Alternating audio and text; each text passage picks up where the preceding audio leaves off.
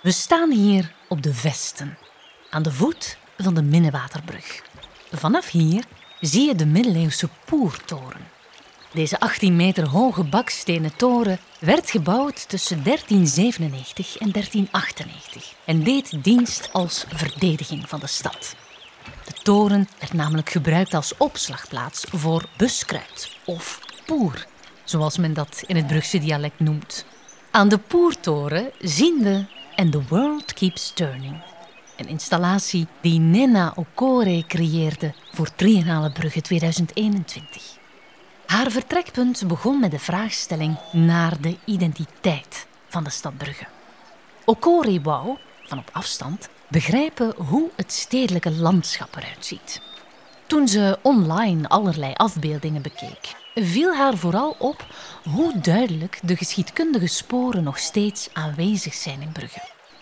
Ze zag gebouwen die leken op middeleeuwse restanten en die, op het eerste zicht, een droomachtige en fantasierijke sfeer oproepen. In die virtuele context raakte ze gefascineerd door de ruimtelijke vorm en de oorsprong van de Poertoren. Aangevuld met de rode kleur die overal in Brugge opduikt en de traditie van het kantklossen, kwamen drie inspirationele elementen samen die Okore verbond in een beeldend voorstel.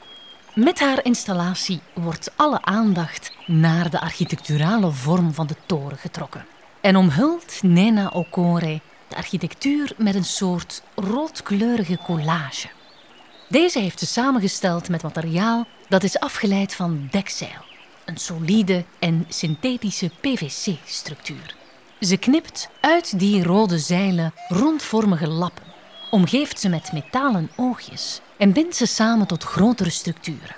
De lappen lijken wel bewegelijke cellen of organismen, zoals amoebes of chromosomen. Het is de eerste keer dat Okore met man-made materiaal werkt. Het plastic lappendeken rondom de bakstenen toren is klaar om de tijd te trotseren.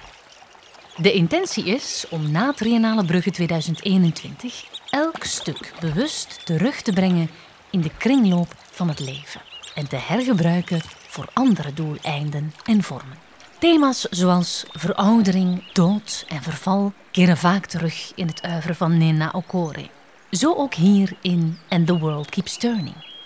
De topografie van deze plek wordt symbolisch aangewakkerd, alsof het buskruid in vlammen lijkt op te gaan. Okore brengt met een traditionele, eerder vrouwelijke patchwork-techniek een tactiele laag aan op het mannelijk ogend stenen bouwsel. Het lijkt alsof ze tijdelijk een extra huid over de toren legt en er zo nieuw leven doorheen laat stromen met bloedrode aders, vaten en cellen. De artistieke carrière van kunstenares Nena Okore wordt bepaald door haar afkomst en levensloop. Ze bracht haar jeugd door in Nigeria. Ze woonde er op de universiteitscampus, maar leerde er ook het lokale leven kennen, de marktplaatsen en het platteland. Okore's kunst werd erg beïnvloed door de visuele kenmerken van die wereld.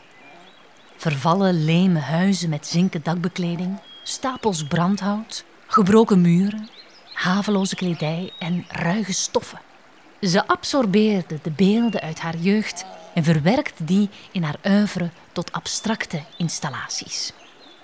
Ze maakt gebruik van alledaagse materialen, ruwe stoffen en texturen, maar ook milieuvriendelijke materialen, zoals klei, touw, stof, stokken en papier. Ze weeft, draait, naait en kleurt de stoffen op een repetitieve wijze en komt zo tot een natuurlijk en organisch geheel. Ze werkt verder op concepten zoals recycling en upcycling, transformatie en regeneratie van vormen. Het resultaat zijn kleurrijke, dramatische installaties en sculpturen.